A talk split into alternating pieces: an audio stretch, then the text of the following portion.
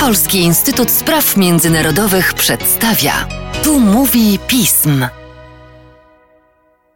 Tu mówi pism. Dzień dobry lub dobry wieczór Państwu. Przy mikrofonie Mateusz Józwiak i z przyjemnością przedstawiam Państwu naszego gościa, analityka rozeksperta do spraw Chin, doktora Marcina Przychodniaka. Cześć Marcinie. Spotykamy się, by porozmawiać, a jakże o Chinach, jednak w związku z wyjątkowym wydarzeniem, które będzie odbywać się w Pekinie. Mowa rzecz jasna o igrzyskach zimowych, które zaczną się 4 lutego. Wydarzenie na skalę światową, jednak odbywające się w trakcie również światowej pandemii. W związku z tym, Marcinie, pytanie do Ciebie. Czy Chiny, znane z perfekcjonizmu organizacji takich wydarzeń, są odpowiednio przygotowane? To przecież wizytówka nie tylko sportowej gotowości tego państwa.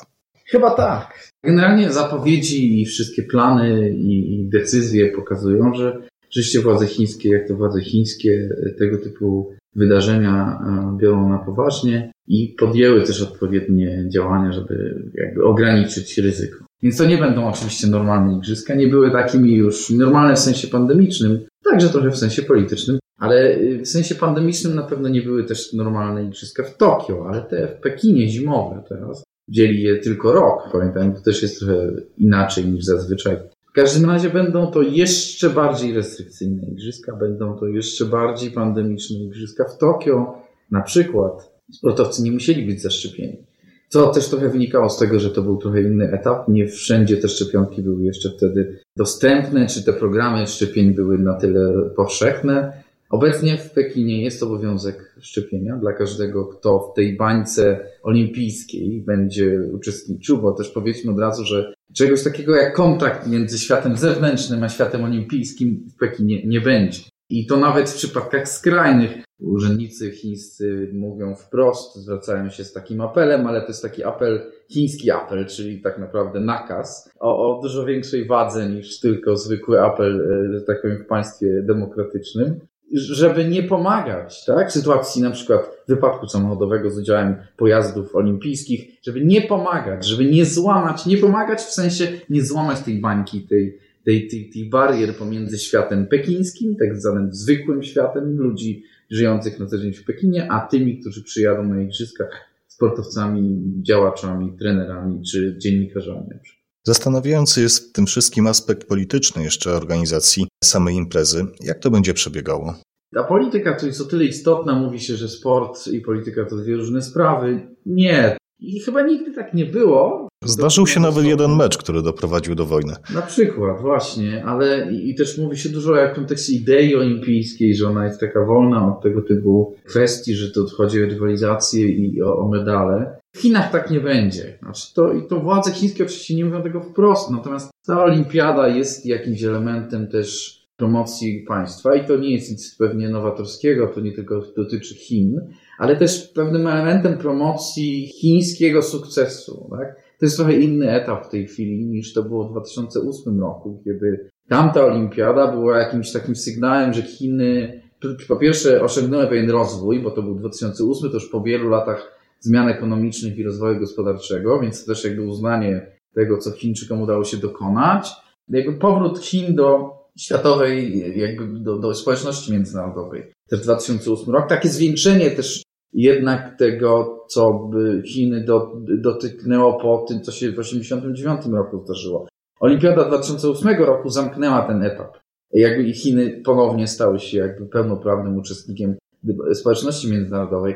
2022 to już jest inna kwestia. To już nie są Chiny, które aspirują, tylko to są Chiny, które z sukcesem organizują w bardzo trudnych warunkach, pandemiczną, pandemicznych warunkach, imprezę sportową takiej rangi. Kierownictwo partii to robi, Xi Jinping tym kieruje, prawda? Więc ta, ta narracja będzie tutaj dominować. Po pierwsze. Po drugie, będzie to też oczywiście prezentowane i w tym takim chińskim sosie ideologiczno-politycznym z hasłami o Xi jako rdzeniu, o tym, o, o wizjach. Już nie będę tu tych haseł przytaczał, ale one będą też istotnym elementem promocji olimpiady jako sukcesu władz chińskich.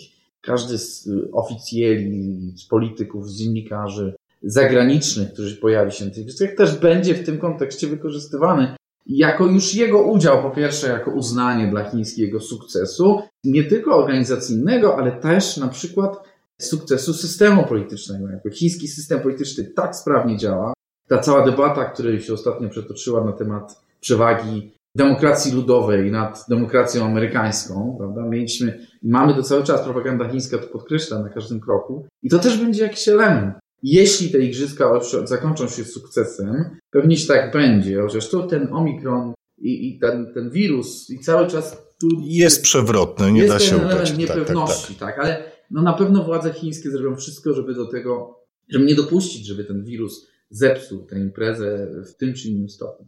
Mówiłeś tutaj o kontekście związanym z demokracją, ale jak tutaj możemy oceniać w ujęciu międzynarodowym cały kontekst Igrzysk Zimowych w Chinach? To jest po pierwsze ten jakby standardowe już nazwijmy to podejście, czyli ten problem organizacji wielkiej imprezy sportowej w państwie, którego system jest co najmniej autorytarny i którego polityka w dużym stopniu opiera się na łamaniu czy to zasad praw człowieka międzynarodowo uznanych, czy to w ogóle prawa międzynarodowego, tak? Na przykład jak w kwestii Hongkongu. I całej tej dyskusji właśnie dotyczącej nie tylko Chin, tak? Na przykład też i Kataru w kontekście Mistrzostw Świata w piłce nożnej.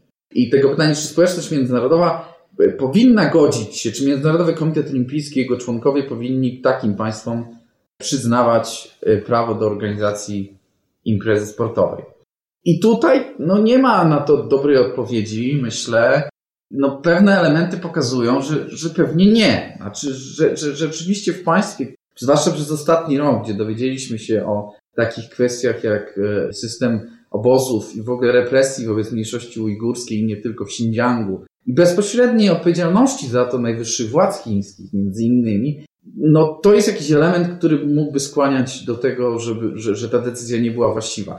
No ale żyjemy w takiej rzeczywistości, jakiej żyjemy i wiadomo, że to, te elementy nie odgrywają tak istotnej roli przy podejmowaniu tego typu decyzji. Co jednak nie przeszkadza, że część państw z tych czy innych powodów do pewnego stopnia może i oczywiście z powodów łamania praw człowieka, do pewnego stopnia też i z powodów innych obiekcji, zdecydowały się, aby zbojkotować Igrzyska Olimpijskie w Pekinie. Oczywiście nie w sensie sportowym, tylko w sensie politycznym. Nie wysyłać na te Igrzyska polityków, oficjeli średniego czy wysokiego, czy w ogóle ich nie wysyłać, czy to na ceremonię otwarcia, prawda? Tradycyjnym jakby elementem pewnej dyplomacji jest to, że na ceremonię otwarcia zapraszane są czy to głowy państw, czy ministrowie spraw zagranicznych, przyjeżdżają. Kilka państw się na to nie zdecydowało, znaczy ogłosiło taki bojkot. Tu jest to oczywiście na czele ze Stanami Zjednoczonymi, ale to też na przykład e, Nowa Zelandia, Australia, to też na przykład Kosowo, taki symboliczny szczegół, Litwa w Europie, między innymi oczywiście. Część z państw też uznała, że dobrym pretekstem, żeby jednej strony nie narazić się do końca władzom chińskim, ale z drugiej strony też nie wysyłać przedstawicieli, będzie oczywiście sytuacja pandemiczna i, i jakby ogłosiły, że nie wysyłają tam przedstawicieli ze względu na zagrożenie wirusowe. Z tego powodu oni tam nie pojawią. To jest w pewnym, w pewnym sensie na prawdopodobnie trochę pretekst, trochę nie, no ale to też jakby jest pewien element. Dla władz chińskich to oczywiście trochę psuje tę narrację, o której mówiłem wcześniej, tego sukcesu i tego uznania międzynarodowego.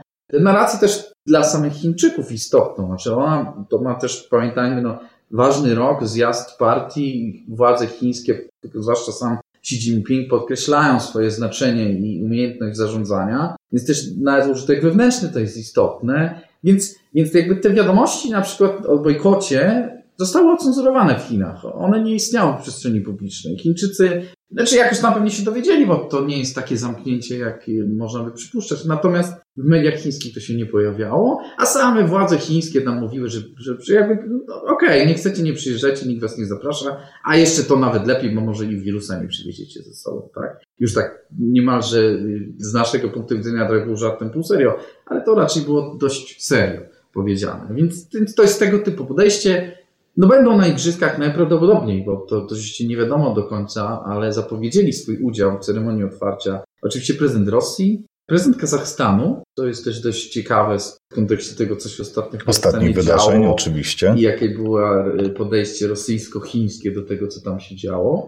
Premier Pakistanu na przykład również zapowiedział. Więc tego państwa, które są dość mocno kojarzone jako najbliżsi partnerzy, czy to bardzo zależni od Chin, jak Pakistan, czy mniej trochę zależni jak Rosja, ale też do pewnego stopnia w każdym razie współpracujący z Chinami w sensie politycznym. I to, co na pewno obejrzymy czy przeczytamy w chińskich mediach, czy w ogóle w wypowiedziach chińskich władz w trakcie igrzysk, no to będzie ten, ta narracja współpracy międzynarodowej z takimi właśnie państwami na rzecz właśnie dobra ludzkości, to, to też jest jedno z haseł Xi Jinpinga i na rzecz jakby te igrzyska to jest kolejny dowód, jak ta wielostronna współpraca władz chińskich jest jakby czymś, co społeczność międzynarodowa powinna wykorzystać i z czego powinna korzystać. Tak dziękuję Ci Marcinie za dzisiejszy podcast. Bardzo dziękuję.